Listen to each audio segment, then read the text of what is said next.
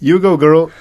Živijo v novi epizodi Metinega čaja, podcasta o medijih, dobrih in slabih praksah, o trendih, o tem, kaj se moramo naučiti, da bomo boljši v prihodnje in česa se naj bi odvadili. Skupaj z vami sva Aljaš Pengov Bitenc, Aljaš zdravo.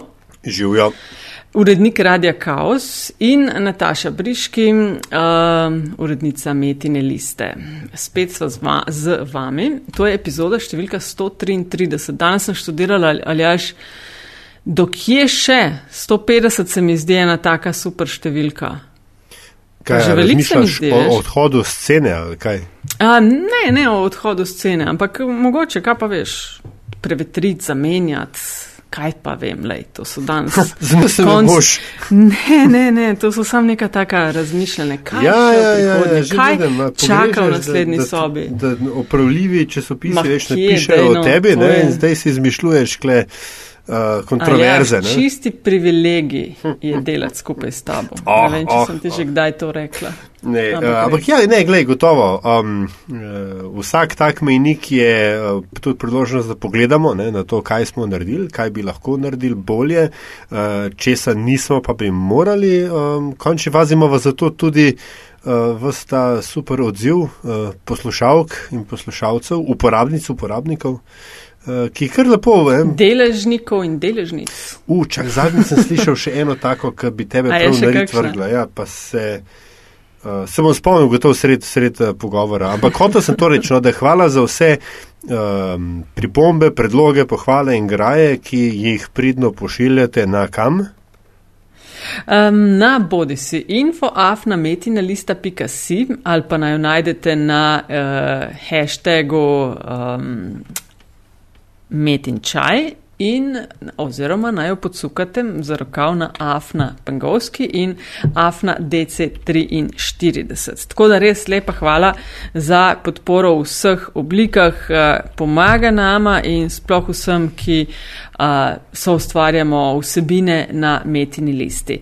Torej, epizoda, sto, a še mava za začetek kaj, preden gost od uh, nestrpnosti Prav, pre, mislim, da bo pregriznil v mikrofon od nestrpnosti. Bo pregriznil, ne, ja. ker vidim te mesiče, ki me medajo ja. v tem ja. uvodnem intro. To, in to je prvič, mislim, da od prvič, da se gost pritržuje, da še ni na vrsti. Ne? Ja, pa še celo kratka sva, tako ja. da vse skupaj slabe tri minutke. Um, lepa hvala in evo, štartamo 133. epizoda, gost Jure Brankovič, TV Slovenija, Tarča. Živeli Jure. Dobro, če reja, prišel sem do besede, to me veseli.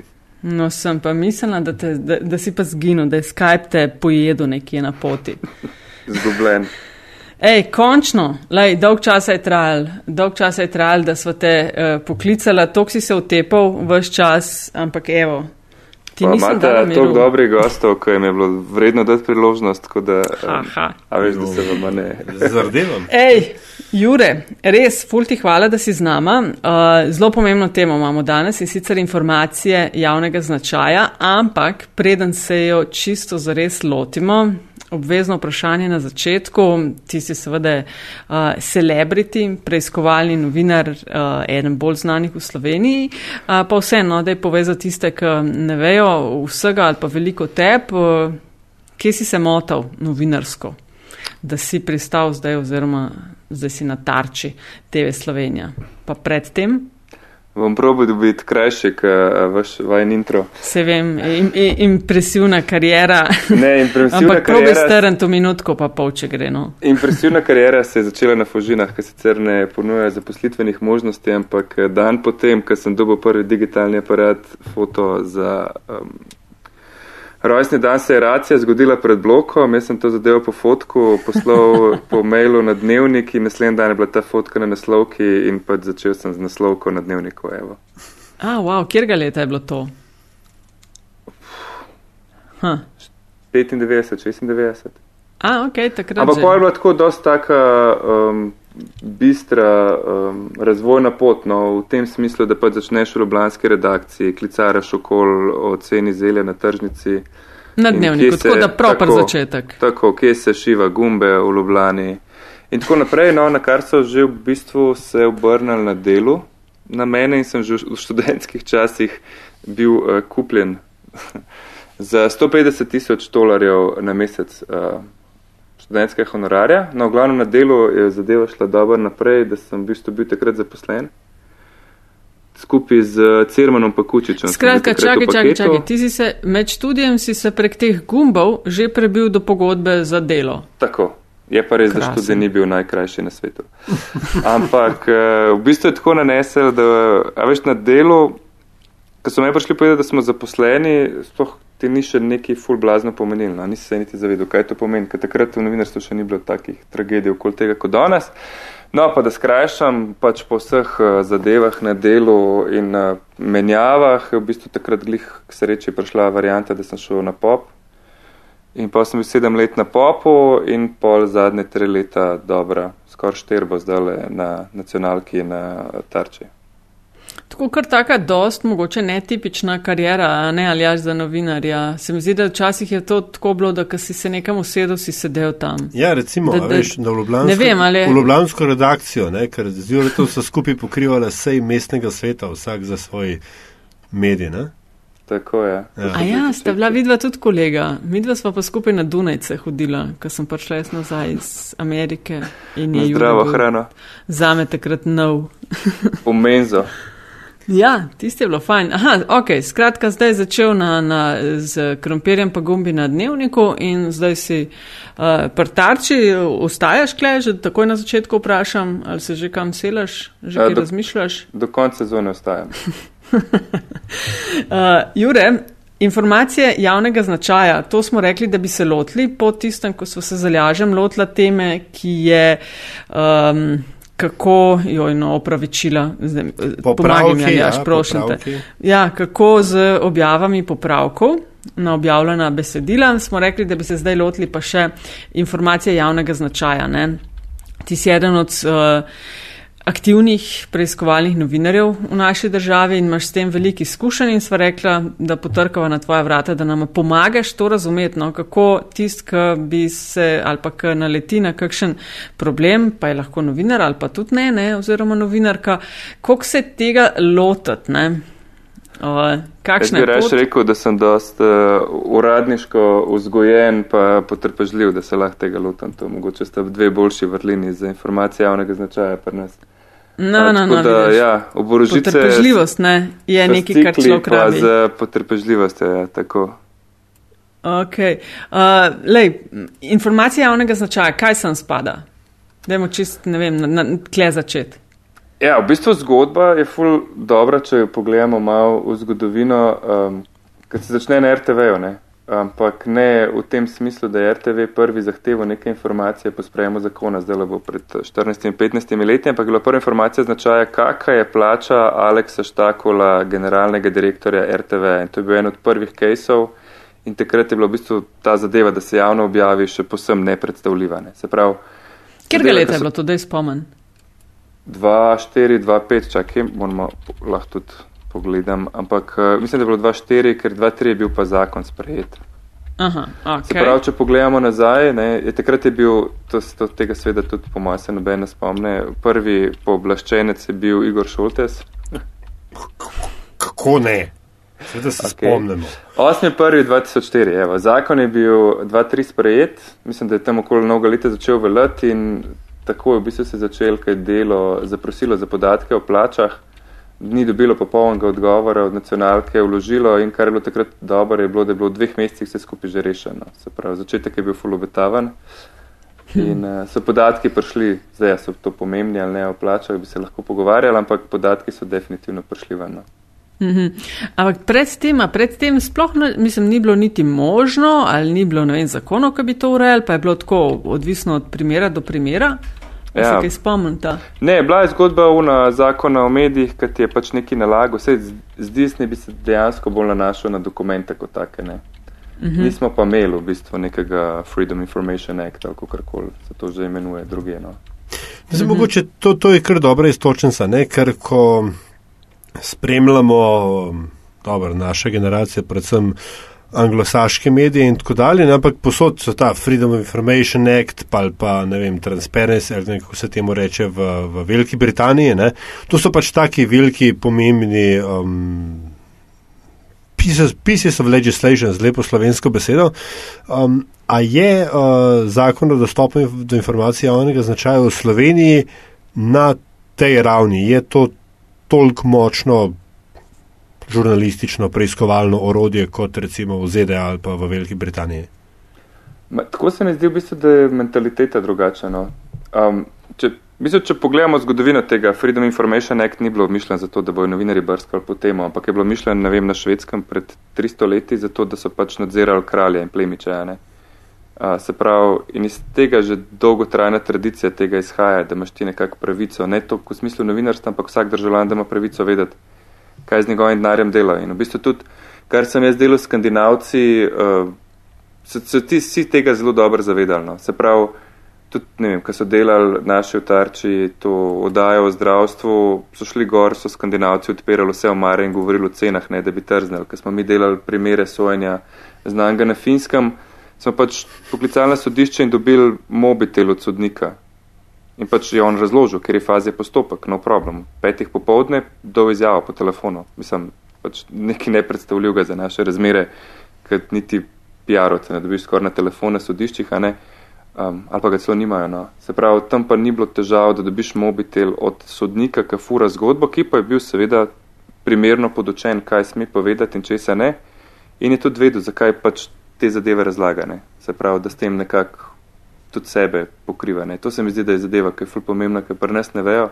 Se pravi, da uradniki bi mogli vedeti, ali pa vsi, ki delajo javnih, na javnih funkcijah, da ta zakon njih v bistvu ščiti pred zunanjimi pritiski. Ne. Se pravi, da oni sami lahko rečejo nekomu, ki njih pritiska, gledaj, jaz bi pač lahko to tako naredil, ampak nikoli ne vemo, kdaj bo nekdo prišel in nam bo začel fascikle odpirati in bo to vam padel. Ne. Je pa še vedno nažalost, se mi zdi mentaliteta obrnjena. No. Um, to sem zdaj malo predaval, pardon. Ne, ne, ampak dej, glih to, ko praviš, da je obrnjena, um, uh, prosim, postrezi z grafičnimi primeri. Uh, kje začeti? Tega je precej. Um, recimo primer, ki je pač bolj odmeven bil mogoče, je bila naša uh, prošnja. Na tarči smo delali že tri leta nazaj eno zgodbo o uspešnosti sodišč, primerjava sodišč. Zdaj uspešnost je seveda tako kot novinarstvo pri sodnikih po svoje težko empirično meriti, ampak ena zadeva, ki pa ti lahko nekaj pove, je koliko sodb je na višjih sodiščih od določenega sodišča potrjeno. Se pravi, od sprejetih sodb, na koliko se jih ljudje pritožuje, na koliko od teh pritoženih um, potem jih više sodišče popravi, potrdi ali zavrne. In kar je bilo tukaj zabavno, je, da smo dobili ful, ful različne podatke iz različnih sodišč v Sloveniji. Ne? Se pravi, ne vem, v sodišču Litija je bil takrat case, da je višja stopna, na višji stopni več kot pol sodb je padal od tistih, ki so šli pretožiti. In pa smo jim rekli, ok, ne, če pač vemo mi to zdaj za posamezna sodišča, da imamo mi za posamezne sodnike. Ne? No, tle pa je bilo konc veselja. In seveda sodniki so zadevo ustavili po sodni poti. Dobili smo odločbo informacijske pooblaščenke, da ne morejo dati sodni svet se je pretožil, kam se je pretožil na upravno sodišče. Upravni sodniki so odločali tudi o samih sebi, če tako pogledamo, in seveda so zavrnili, spet smo vložili, tečemo nov krok informacijska povlaščenka, nam je spet dala prav in spet čakamo na odločbo upravnega sodišča. Vrtimo se tri leta že na tej zgodbi in nismo v bistvu prišli še nikamor. Hm. To recimo en primer. Pa, Čakaj, hoče reči, ta zgodba dejansko še traja? Ta zgodba traja že tri leta. Trenutno smo v fazi, ko upravno sodišče ugotavlja, ali ne bi morda morali vprašati vseh sodnikov v Sloveniji, če se s tem strinjajo, In v tem primeru bi si lahko vsak od teh sodnikov zaračunal določene stroške za pravno svetovanje um, in pač vse skupaj to prosilcu zaračunal. To je ena od potencijalnih groženj, ki bi lahko nekako tudi prišla. Na kakšen način pa utemeljujejo recimo, uh, zakaj na sodišče natančno podatke lahko dajo, na sodnika natančno oziroma sodnico pa ne? Ja, v bistvu je ta zadeva v njihovi personalni mapi, kar v tem smislu bi oni lahko rekli, ok, ne damo. Ampak, ker je v personalni mapi ta uspešnost povezana z njihovimi napredovanji, se pravi z davkoplačevalskim denarjem, je spet tukaj keč, da bi mogli to dati, seveda, pač če gledamo z racionalnega vidika. Um, oni pa pač seveda to utemeljujo, da so to zasebni podatki in pa da v zakonu pač zelo natančno piše, da so te podatki namenjeni sodnemu svetu za ocenevanje, poročilo ministerstva Za pravosodje ne, pa javnosti, ne, ker to pač v zakonu ne piše. Ne. Hm. Um, ja, lej, kaj, kaj misliš, kakšen bo timetable v točno tej zgodbi, ki jo zdaj omenjaš? Ne vem, meni je. Optimist, ta, da boste sploh uh, prišli do. Meni je spominja to na jaz večer, ki lovi svoj rep in se v bistvu neizmerno zabavam, ker če pogledamo, mislim, pač množica ljudi se s to zgodbo ukvarja, ki po svoje že zdavni ni več tako zanimiva, kot je bila pred tremi leti, ko smo z njo začela. Mm. Mislim, tako hecno vse skupino. Ja. Uh, če kdaj povej na začetek, recimo, koliko sploh štartaš, no? uh, ko prideš do enega podatka ali nečesa, kar bi hotel vedeti, uh, a to pol, imaš ti kakšno tajnico v redakciji oziroma tajnika, ki spiše nekaj, ali imate to že formularje napisane, pa sam zamenjaš, ne vem, vsebino, ali koliko to poteka, le čist tehnično, če bi se kdo lotil. Ja, v bistvu kje, je kje, kje je začetek? Če gledamo kot novinar, medijske zgodbe je v bistvu začetek ponovati pri tem, da ti njih prosiš po zakonu o medijih za podatke. Se pravi, zakon o medijih jim nalaga odgovor v osmih dneh in je tudi, kar se tiče pritožb in tako naprej, dost um, podoben zakon o dostopu informacij javnega značaja. Ampak ponovati ti odgovorijo, če ti noče odgovoriti, po možnosti pač 8 dana, nekaj zadnja rok, ja, to pa spada pod zdi se. Ne. In zdaj spet, glede na to, da več, velika večina novinarjev nekako dela iz roko usta, verjetno en zelo velik delež ljudi s tem že odvrnejo. Mhm, um, zdaj, mhm. če pač si, kot sem rekel, malo bolj potrpežljiv, poradniško cepljen, imaš pa te datume preštete in v bistvu že pričakuješ, kaj se ti bo zgodilo in, in pač takoj pošloš uradno. Ne? Zdaj spet pošloš uradno.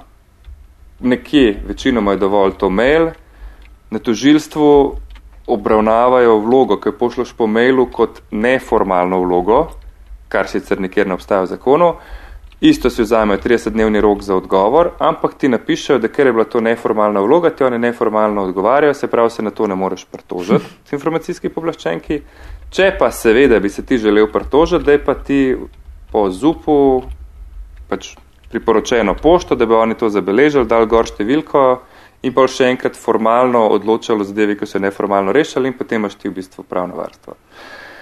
Um, tako, a, ti kar... že, a, a ti zelo hiter, sorry, ker prekinjam, a, a zelo hiter veš, kdaj nategujejo oziroma zavlačujejo, ker neki nočejo povedati, kdaj in mogoče nimajo časa ali kakorkoli. A hiter zavohaš, kje, kam pa je staco moli? Ja, mislim, se v bistvu doskrat so ljudje, se mi zdi, malo zaskrbljeni, a oni smejo nekaj povedati. To se sliši, da je mogoče malo neumen, ampak um, delali smo recimo zgodbe, agencija za zavarovalni nadzor je šla gledati vse upravnike, ki so zaračunavali zavarovanja ljudem v bloku, kot pač upravniki večstanovanskih objektov. In seveda ugotovila, da si pri tem masne provizije um, ne, um, zaračunavajo ja. tudi do 50%. Ampak seveda agencija za vrvalne nadzore najbolj motil to, da oni nimajo licence, da bi to delali, ne, ker pač spada pod to določeno um, nadzor in tako naprej. V glavnem so oni to ugotovili.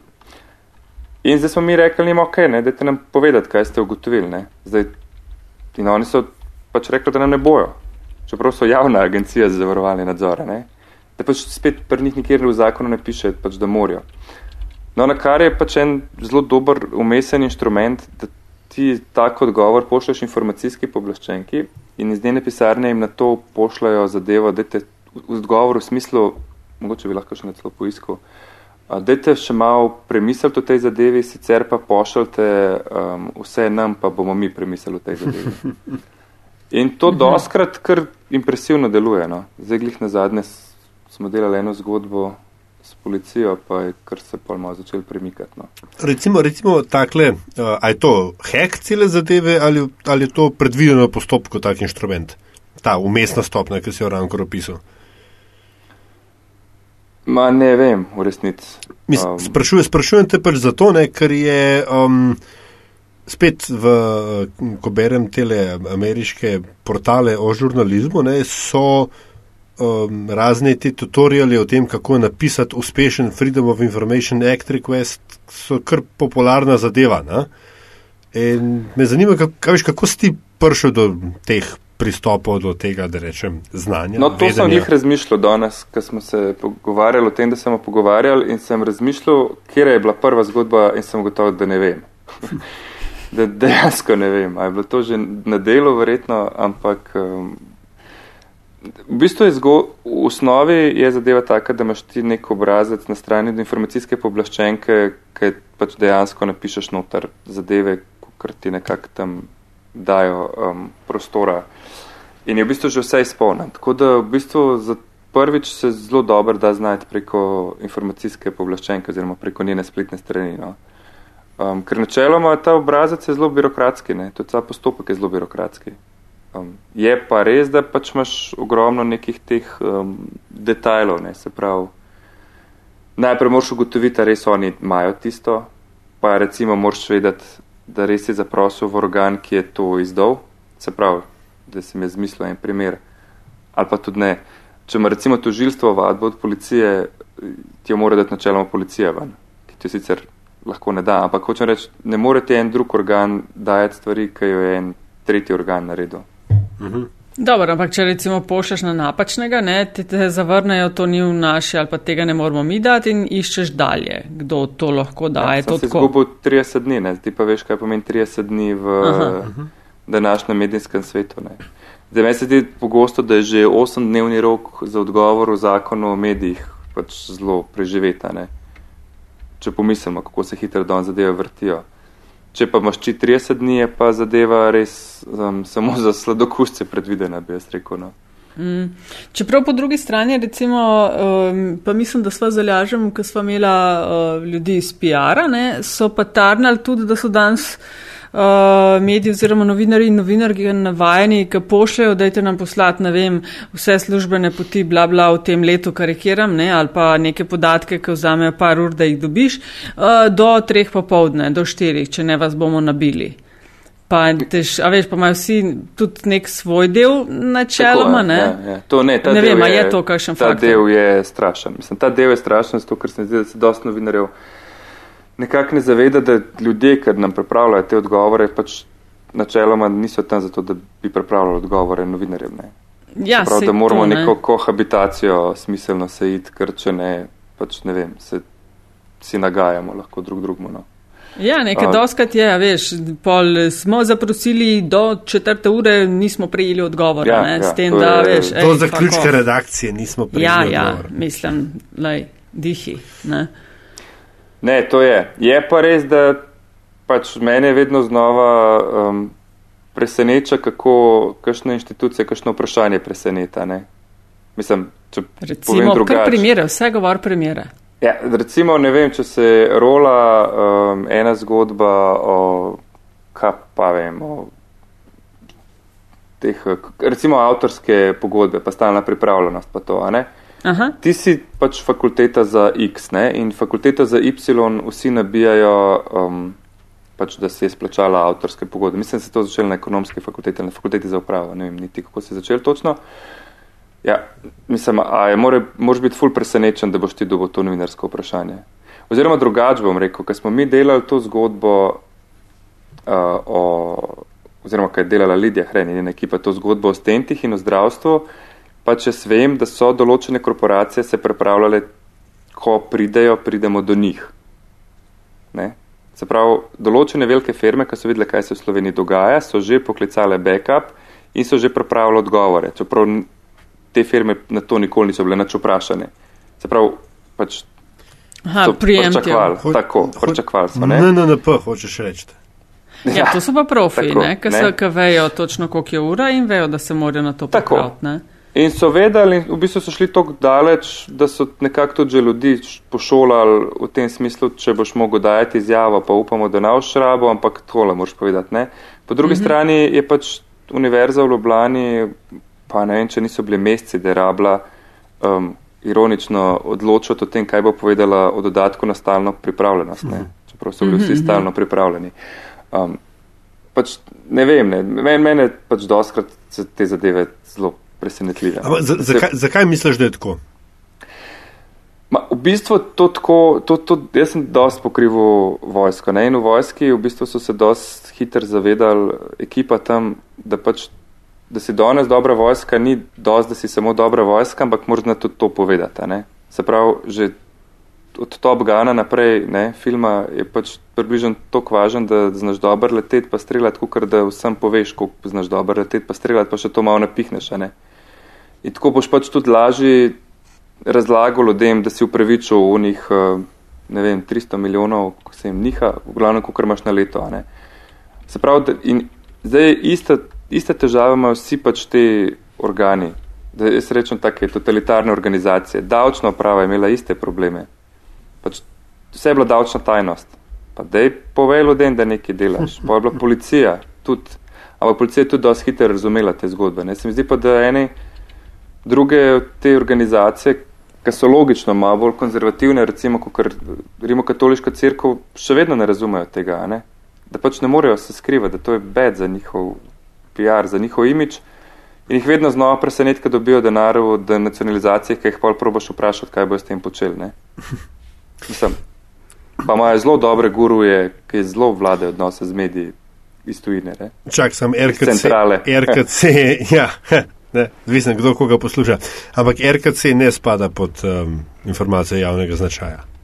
Ja, dobro, ja. ja. Spada edino temu delu, uh, kako je financirano iz javnih sredstev. No, evo, ampak ta, recimo, ta, ta, je, ta je tudi dobra, ne? ker tudi um, uh, velikrat se verjetno zna zgodi, da je tako mal siva cona, ne, da kaj, kaj zdaj je, je informacija javnega značaja, pa kaj zdaj ni.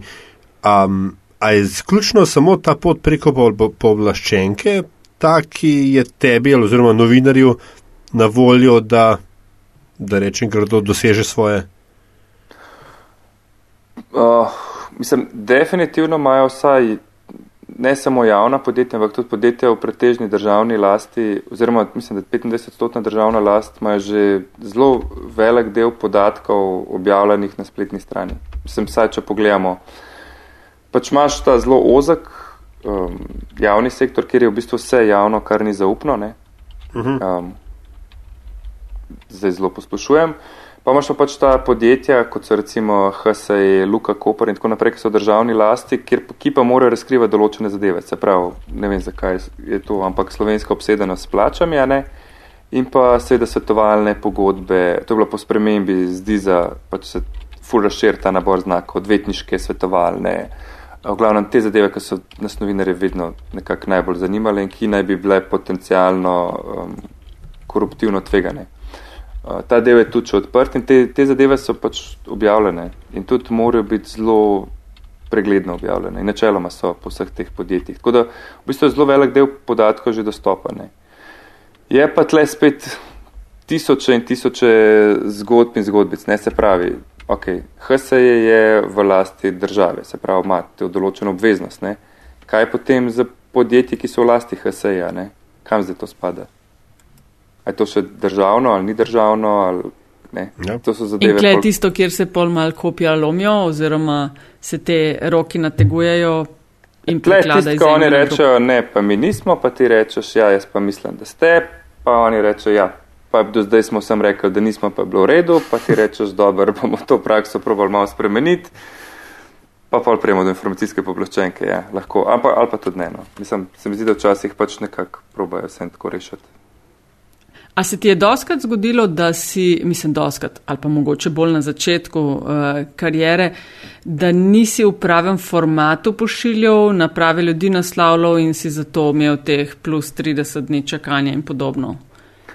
Ne, to se hitro naučiš. Um, doskrat se ti zgodi, recimo, delali smo zgodbo na popu.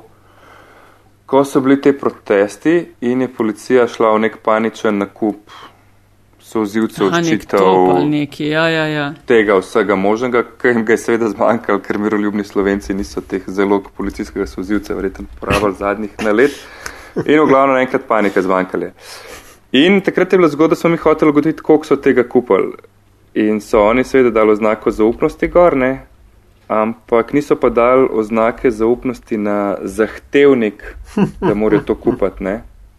Se pravi, vse to je dosti pogost trik, ki se In mislim, da je bila podobna zadeva, je bila, aha, še boljša, še boljša zadeva je bila pa za IMSI Catcher, Se pravi, to je um, naprava, ki v bistvu ugotavlja, se predstavlja, da je um, postaja za mobilno telefonijo in vse telefone okol prikraplja na se, se pravi, lahko prestreza komunikacije, oziroma tudi zelo pomembno je ugotavlja, katere telefonske številke so v okolici. Ne? In policija je seveda trdila, da tega nima, um, ker je pač bilo vse pod zaupno, so pa izpolnili zahtevnik, da bi kupili nov IMSI catcher, ker takega imajo do zdaj jim ne dela več dobro. Zato so pač te zadeve, takrat zadeve postanejo zabavne. Ne? A je pol tako lušno gledati? To večinoma vse gre po nekih mailih, pa telefonih, ali tudi prideš tako v živo, pa pol, ko nekdo vidi, kakšno bedarijo so naredili? Ja, pol ponavad prideš, eh, na ministrstvu za notranje zdelo tako, da pol ponavad priješ do neke te gospe pooblaščenke, ponovate gospa pooblaščenka, ali pa tudi daj gospod pooblaščenc v pisarno in pač on more upraviti tisto, kar so pač njegovi šefi zafrknali in ti dati in pol. To so včasih fulkomične scene, ker pač eni ti pač dajo roke, eni napišejo, recimo konkretno gospa na MNZ, na štirstranski zapisnik, eni so najdel celo enkrat um, nek tak mali odrezek iz časov socializma, mene malo spominjal, da se je na tak mali listič podpisal, no, ki je bil DZS obrazec 115 skozi 32 neki po zupu in si to podpisal. Mislim, tako različno, no? ampak v glavnem gre po mailu. No? Glavnem, ampak recimo tam mene za konkretno sem bil prvi gospe v hotelu Slavija in mi je pa predala to dokumentacijo. Ja. Kje je bila tvoja največja zmaga v narekovajih v tem pogledu? Mislim, pač največja, ne? Če sem si bil zelo vesel, kje se ti je res smejal? Ali pa si bil vesel, ker si vedel, da bo. Um, Ne vem, da je bila huda bitka, da ste velike enih papirjev mogli poslati, da so se zelo izogibali. Recimo, ena ta od lepih, ki pa hkrati tudi tragična, no, ker tudi še vedno traja v resnici, ne, je ta agencija za varovalni nadzor je oglobila oziroma ugotovila pač, da so upravniki uh, tržili zavarovanja, masne provizije pobirali. In pa smo šli mi malo naprej pogledati, uh, kaj vse so še upravniki delali in zakaj vse še pobirajo um, provizije. In seveda največji v Ljubljani je pač, ali pa eden od večjih, no, ker so zelo občutljivi na vsako besedo, ki se v njih izreče, je SPL. In pa smo mi začeli razmišljati, kje vse bi mi lahko dobili še podatke o tem, koliko provizije poberajo cenovalcev SPL. In smo gotovili, da pač obstajajo javna podjetja v. Um, Ljubljani, vodovod, kanalizacija uh, je eno, uh -huh. pa energetika, pa um, tretjo, snaga, seveda. Ja. Ker so na vseh položnicah, se pravi, bi v bistvu od njih mi pač tudi lahko dobili pogodbe o provizijah. In smo jih zahtevali, in uh, pol so se zadeve začele komplicirati v tem smislu, da se niso javna podjetja pritožila, ampak se je SPL kot stranski udeleženec pritožil in blokiral je vse na sodišču zdaj. Ne? Ampak on je nažalost pač se vsaj v enem javnem podjetju pritožil tako pozem, da so dva dni pred to pritožbo jaz to že dubo roke. A, tako da take zadeve so simpatične. No. Um, prav, ampak kar je najbolj hecno, je, da sem jaz napisal na sodišču, gledajte, se vsaj v tem primeru postopek predvsej brezpredmeten, ker jaz to že imam, ampak sodnik sodi naprej. On se odločil, on bo sodil, ne glede na to, da pač nima več smisla, da smo mi to že vse objavili, on bo še sodil in bo na koncu odločil. A si imel kdaj težave iz tega naslova. V smislu, ja, da pač te, ja, vem, grožne, ne vem, a, vemo, kje živiš, take stvari. Ma ne, ta tip ljudi, ki ima informacije javnega značaja, mislim, da ne bo delal v tem smislu. Mislim, pač to so neki birokrati, ki se birokratsko z njimi. Dobro, ampak gledaj, recimo, zdaj, veš, zdaj si pač, ki se je SPL omenil, ne, uh, to je zdaj, to ni več čist. Um, Veš, kle, kle bom rekel, zdaj se ukvarjaš z uh, zasebnimi, in, zasebnimi interesi. Ja, ja. SPL nas je tožil eh, popravk, eh, više sodišče, um, zahtevalo vse možne demantije, vse so zgubili. Mislim, tle nam je res zastopila ob stran naša pravna služba na RTV-u. Um, Tako da tle, tle, no, ta del se pravi še traja, glede zdi za. Uh, tako da v tem primeru se mi zdi, da se te ljudje bolj poslužujejo takih uh, sofisticiranih zgodb, pa tožbe, mm -hmm. pa to, pa umaknite to, pa najdejo preko raznih agencij razne um, ploskače in žvižgače po raznih omrežjih. Pač to se dogaja. Ja. E, se pravi, dobivaš kaj na, na bombice na Twitterju, na Facebooku oziroma na Facebooku. Ja, ja, ja, ja, mislim, ja, ampak bolj kot tarča, kot stran. No. Mislim, pa tudi dobro, tudi mislim, da takrat je bilo malo tudi osebno, ampak mislim, to je tako brez veze. No, Aha, no ampak, glej, uh, nigli za vsazga, ne, verjetno mal debele kože moraš imeti. Ne, ja, dobro, to je pač čim se ti znajdeš na kjerkoli funkciji, pa ne funkciji, mogoče na kjerkoli delovnem mestu, da nisi pač v, zaprt v svojo omarje, moraš ne. Mislim, se konc koncev tudi, ne vem, um, prodajalka v trgovini mora imeti debelo kožo, kaj raznoliki ljudje pridejo, ne, ali pa gospa na okencu na upravni enoti, ne. Koliko si skromen, ne, jaz sem pripričan, da vsakeč, pošlješ maile, pol na drugi strani šit Brankovič je spet neki poslov. A to je pa zihar, to sem pa že slišala. Ma... Jure Krmajčkan se pohvalno. Ne, ne, bilo je, bilo je pa res zabavno, ker uh, smo delali zdaj, eno zgodbo, no, v glavnem, in seveda imamo občasno ob koncu leta imamo pozitivne zgodbe na tarči in pravimo povedati, kaj je bilo to dobrega, recimo dobrega v zdravstvu, dobrega v gospodarstvu in tako naprej.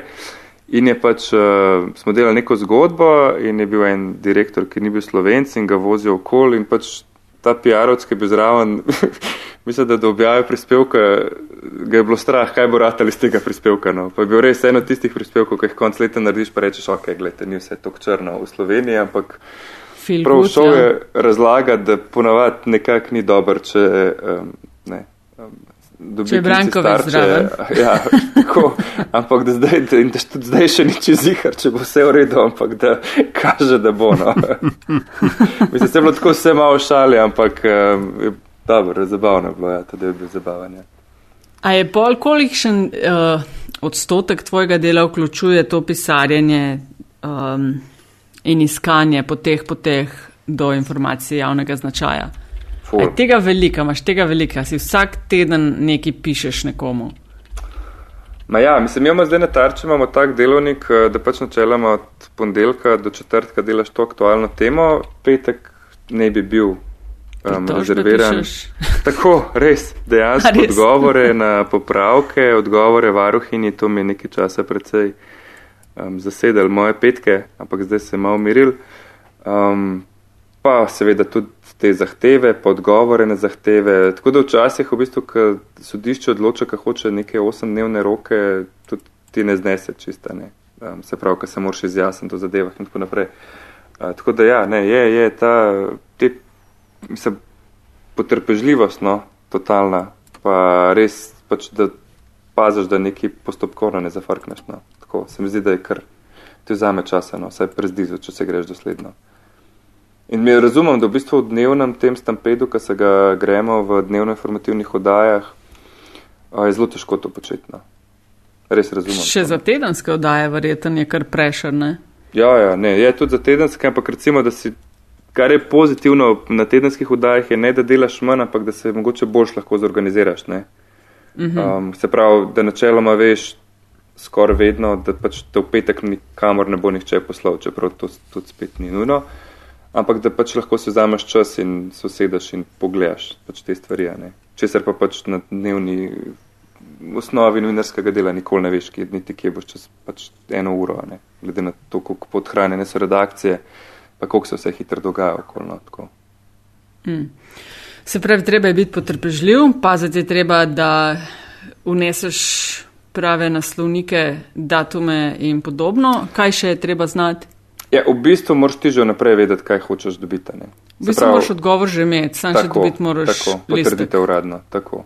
In isto je bila ta zgodba, um, ki so delali um, te naši raziskovalci, oziroma Lidija Hreno, ta tarča o zdravstvu. Oni so načeloma, ja. tako, oni so načeloma vedeli, um, kaj, kam želijo in so dejansko by the book pol speljali postopek, se pravi, oni so isto imeli v prvi bolnici zavrnilni odgovor, se pretožili, so naredili stadij case iz tega in potem pač s tem šli na vse ostale bolnišnice, ki so jim pol tudi pošiljali te podatke in spet je zanimivo, neko, kar je bilo takrat še to čudno in pač poslovna skrivnost, zdaj kar naenkrat so te javne evidence javne postale, ne.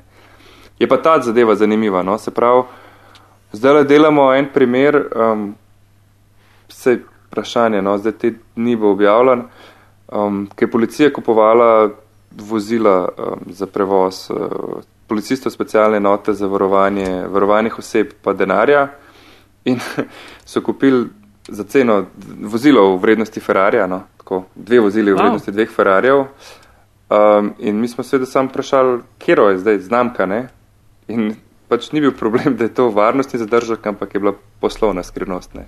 Kva? Se pravi, ja, dejansko je pač odgovor bil, da je to poslovna skrivnost. In tudi v sami pogodbi, ki je po zdizu javna, pač ni bilo tega noter. Se pravi, piše samo, sprejeli smo vašo ponudbo, to pa to, pa to. Zdaj jaz razumem, ne, da bi pač bilo zaupno, čeprav ne verjamem, da bi pač napadalci uh, šli brati te zadeve, ampak recimo kakšen oklep ima vozilo, kje ga ima, koliko ton eksploziva ga požene v zrak, koga, kilogramov, koga ne. Ampak v bistvu že sama znamka, barva vozila je bila pač poslovna skrivnost. In še tudi nismo prišli do konca te zgodbe. A- tako. Čeprav že spet vemo, kaj imajo, ki smo že posneli, ampak spet hočem, da mi pač povejo še uradno, da so to Toyota Land Cruiserji. Okay, ampak a, e, zdaj pač e, mojemu ne, pravniško-lajčnemu umu a, cepljeno na paranojo, a je to mogoče nov pristop k, bom rekel, oviranju a, ali pa, ali pa izogibanju a, dajanja informacij javnega značaja, kao, ok, ni zaupno, ampak je pa poslovna skrivnost in naš partner noče, da se o tem govori. To, to je meni fenomen. Meni je fenomen, ko se govori o javnih, pri javnih naročilih o poslovni skrivnosti. To je meni fenomen. Sploh ne vem, v bistvu, kako bi to drugače opisal. Ker nekako si predstavljam, da se ti ponudnik pa ponujaš neki na javnem razpisu, da pač se sprijaznaš s tem ali pa je pač vzameš to kot del posla, da bojo tukaj pač cene javne. In da bo pač vsa konkurenca lahko pogledala in rečeš, ok, šel bom v ta posel, razkril bom cene in lahko to pomeni, da bo en drug prišel pa bo rekel, zakaj se meni tako drago prodal, pa z nižjimi cene. Ok, to je del tega posla. In ne razumem tega, da se lahko poslovna skrivnost. Recimo, mi smo takrat delali zgodbo um, ministru Jožefu Petroviču, ki je bil v kartelnem dogovoru za pisarniški Aha, material. v dveh tednih Moram odstopil. pomisliti, kdo to je. Ja. Ja, se, Ja. jaz sem tudi mogel malo razmisliti. uh, Takrat je še anžin vodo, a ne? Tako, to je bila, mislim, da je njegova ja. prva oddaja in rekel, če smo takole začeli. pol pa, Ja, ja je res ali pa na, druga, na druga oddaja je bila tako, ja. In uh, zanimivo je bilo to, da pač, zdaj moram biti previden, kako bom to povedal, nekako smo bili podrobno seznanjeni z ugotovitvami, ki so v odločbi agencije in smo seveda to odločbo pač tudi prosili. In so bile spet tri podjetja, ki jih je agencija preiskovala, so se pritožila na to in v bistvu je še danes nimam te odločbe. Ne? To je nekje ostalo, nekje v sistemu. Jaz sicer res nisem drezel, ker pač je bila zadeva že pa se. Ampak dejansko je meni pač zanimivo, da pač vsaka um, pekarna, ki je najdejo noter um, tri strgane žakle uh, moke, pa ne vem, karkoli je javno objavljena in pač ta pekarna ima noter miši, a ne, to ni problema, ne.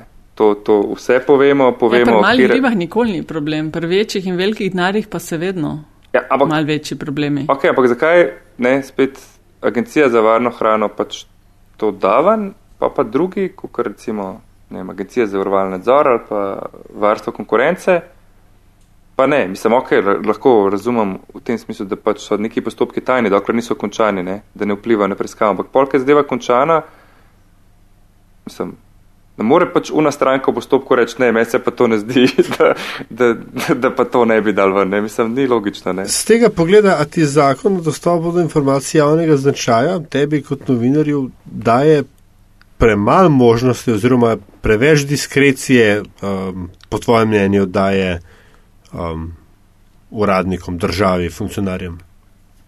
Ma ni toliko problem, toliko uradnikih se mi zdi, kot da recimo tisti, ki so stranke v postopku, lahko zadeva zavlačujejo. ne. Saj konc koncev uradniku se ne bo spremenil življenje, če pač to da ven. Ne? Lahko se bo unim poslovnim subjektom, o tem rekli smo SPL, se Ja. pravi, verjetno bojo njegovi uporabniki znoreli, ko bojo videli, koliko jim poleg tistega, kar jim že obračunava, pobere še tako, pač, da ne vedo. Ne? Um, pa verjetno bo znorel, ne vem, takrat so bili DZS, mladinska knjiga, pa še neka tretja firma, ki so um, ekstra luks, ki so dobavljali te um, sponke za šestkratno ceno, a ne pa uh, papir.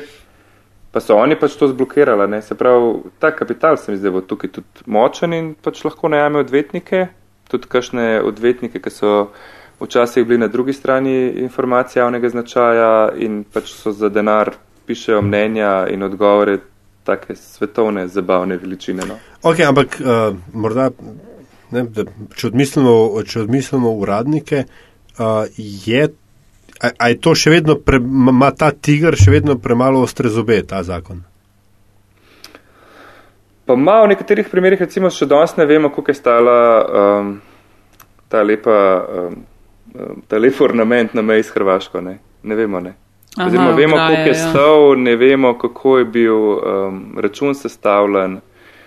Uh, mislim, tako bom rekel, mislimo, da vemo, koliko je stal, oziroma moramo verjeti temu, kar nam reče MNZ, ker je to Zavod za blagovne rezerve kupoval po zaupnosti in pač zaupno so bile noč škarje kupljene, koliko je robe, kje je roba.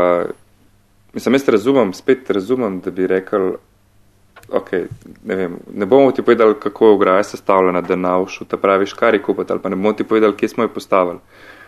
Ampak ne more biti zaupno 4 leta po nakupu ali koliko 3 leta po nakupu, koliko smo dali za meter ograje. Mislim, pač pa je jasno, da tukaj ni težava v varnosti države, ne, v nacionalni varnosti, ampak je nekje druge. Ne. In pač to označijo kot zaupno, ne, in je to to. Se pravi, so še vedno kajsi, kjer se zelo dobro da to izigravati. Ne. Jure, se kdaj naveličaš? Ne. ne, ne, ne, ne. Ne, mislim, ne. To, to je pač. Tako da bi lovca po mojem vprašal, če mu je kdaj dolg čas, um, ne vem, v gost ali kaj, ne vem. Mislim, to, to, to je dobro, no, delati. Kul, cool, dobro, da, da, da imamo take preiskovalne novinarje, kaj si ti. Um, ali jaš, uh, imaš ne, ne, mislim, ja, polhan, ampak, še... um, ne, zanimivo, ful, Jure. Mislim, uh, moraš ja res biti mal, mal poseben. Previdno, previdno. Ti... Ne, ne, ne, sem to, tako ko omenjaš, to potrpežljivost, a veš, pa ker si vmes enkrat rekel, da je kakšne ustavi že, ki jim po osmih dneh pošljajo, da to pa mi nimamo ali pa to pa ni v naši pristojnosti, ne. Ja, je po mojem zelo malo, ker so tako zelo ustrajni, no? ker zato pa moraš biti zelo ustrajen. Mislim, moraš biti, ja, sam res, res doskrat je to sicer izgovor, no? da pač nimamo časa, novinari se posvečati temam, ampak vse doskrat se mi zdi, da je to resno. Mislim, ti imaš načeloma zdaj v novinarstvu ljudi, ki ti v petih dneh skačajo na desetih temah, od tega so ja, štiri ja. objavljene, ne? Mislim, ja. Zdaj pa ti deli nekaj dolgoročno, ne? Pa na drugi strani se mi zdi, da je bilo dobro narediti statistiko, če ni že več uh, ljudi v službah in agencijah za odnose z javnostmi, kot novinarjev. Ne. Tako da mm. pa je pač pa je veliko močnejša urodja, pa aparate ima v zadnji. A, a je še to, no, kar si glih to omenil, a je za današnji novinarski posel tako mal kontraintuitivno, da ti delaš zgodbo v časovnem okviru dveh mesecev? Pa odvisen, no. Se mi zdi, da Pač mi vse to imamo mi večne debate tudi um, na tarči. Pač ali loviti trenuten val, pa skočiti gor, pa delati aktualne teme, ali pač se posvečati svojim zgodbam, pa jim posvetiti malo več časa, pa mogoče prijeti um, out of blues, kakšno mm -hmm. zgodbo. No? Ampak se mi zdi, da mislim, obe varianti sta pravi, no? dokler so obe, obe zgodbe zanimive. Mislim, vse zgodbe zanimive, ampak. Pa ne, mislim, da moraš to malo delati, no tudi malo te dolgoročne zadeve, da malo. Da Hočeš drugič... reči, to PR našel? Zdaj bi mogel PR-ovski dober odgovor tukaj najdete. To si moš pripraviti, ja, to te boš. Kako si lahko ja, presenečen, ja, Jure? Se mislim, da, da sem vas z vprašanjem probo zmest, ampak ok, se pravi ne bom odgovoril, ampak uh, hočem reči, da v bistvu so zadeve, da, tako, kot je v bistvu prvojski del posla, da ne samo, da se znaš streljati, ampak da moraš povedati, kako se znaš dobro streljati, ni v novinarstvu več del posla, samo to, da pišeš, ampak moraš znati še ful enih drugih znanj, od teh birokratskih zdis, zadev do, ne vem, popravkov, se pravi zakona o medijih, se pravi, mislim, celo paleto moraš stvari obvladati. No. Ni več dovolj, da pač ti bo zdaj šel na dogodek ali pa si nekaj izmislil, napisal članek in ga oddal. Se pravi, moš ga znati od opremiti tehnično za televizijo, pomožiti še za splet prepraviti, eh, za Facebook za, in pa zraven pa še milijon teh zadev v smislu zdiza in dolgoročnosti, da pač se tega lotevaš. No. Tako, ja, zdi, to je ta tak, nova realnost danes. Ja, se pravi, večjo pravilnost in to brez dodatka. Malo sem začel razmišljati, kaj javni se. Te pripada? A vam Kjer, pripada? Stalne pripravljenosti, vse ste kaj skozi?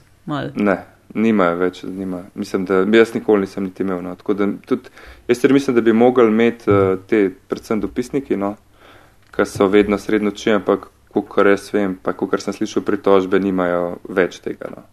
Aha.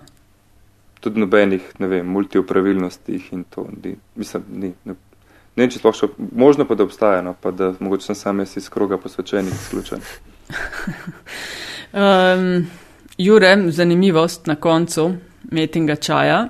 Uh, super lušen klepet je bil, pa ful, res ful zanimivih stvari. Uh, vedno pa končava zalažem uh, metin čaj z uh, povabilom, da nam gost pove recimo kakšno ne vem, zgodbo, anegdoto, priporočilo, kakšno deli zanimivo informacijo, na katero je na letu in pač jo želi deliti. Občinstvo metjenega čaja. Uh, zanimivost, Jure Brankovič, kaj bo? Zanimivost. Sam ne mi reči, da no, se, to je bilo tudi vmes. Tega ni bilo na vodilih, Nataša, ali je bilo? Stvori rodi. Zanimivo ste. Mislim, se ne, da si ti človek, ko se ga ko sem v policaji trkal na vrata, pa sprašval, če kaj ve o protestu, ne? Ja, dobro, dobro, to, ja, to je bilo zanimivo. To ja. že vse vemo, ja, to je res. Ampak je lepa. Ne, pa dobro, teh je bilo nepar takih. Um, Redu, to je tudi, pač, če ti pridejo na vrata, to, to, to je še zanimivo. Če so prijazni, je v bistvu zanimivo. Um, pa ne, zanimivo. Zakaj je zanimivo? Zanimivo je bilo, recimo, ko smo delali. Zanim, evo, tako, zanimivo je, da imaš v bistvu kot novinar dostop do vseh stvari, ki si spomniš, da te zanimajo. Od tega, da pač greš eh, delati zunanjo, lahko, oziroma smo imeli to možnost v Afganistan, do tega, da recimo greš lahko v tovarno, če te zdaj zanima, kar mene zanimajo velike mašine, pač pogledati, kako dela od sladoled, uh, ko dela sladoled v Ljubljanskih mlekarnah do tega, kako dela vem, v okroni senicah. To so zanimive stvari. Evo. Pa še vsi so ful prijazni vedno, kamorkoli priješ. To je ta lep del posla. Načeloma. Sam to je res, ja. To je, to je kar velik privilegij. In to spoznavanje novega, dostop, o, ja, potovanje. Ljudi, konc ja. koncev. Ja. Mislim, načeloma, kamorkoli ti prideš, je tam nekdo, ki se ti posveti, pa ti proba razložiti nekaj. No. Ja, To je kar treba reči, hvala temu. Ja, ja in Jure Tep. Ej, ful ti lepa hvala za ta pogovor. No. Vemo uh, mal večno o tem, kako postopati, ko pridemo do informacij javnega značaja, uh, pa da te lahko podsukajo za rokav ne, na Twitterju. Kaj si tam, Afna? Jure Brankovič, zelo dolgočasno. Jure Brankovic. Uh, če recimo bo imel kdo še kakšno dodatno vprašanje ali pa karkoli. Tutorial moraš napisati, za metino listo ali pa kaj ta zgodiš. Ja. Vidiš, vidiš, vidiš. Res. Vidiš korak ena, korak dve, korak Tako. tri. Res. Ja, to je bilo, kako to žilstvo formalno poslati neformalno prošnjo, kot ti neformalno zavrne. To, to je recimo. Ja, Evo. Ta bo. Veš, tiste male finte velikih mojstrov. Ne, potrpežljivost bi. Hese je brati darto, potrpežljivost. Jure Brankovič, TV Slovenija Tarča, najlepša hvala za gostovanje v Metinem čaju. Hvala za družbo. Mej se, čau. Čau.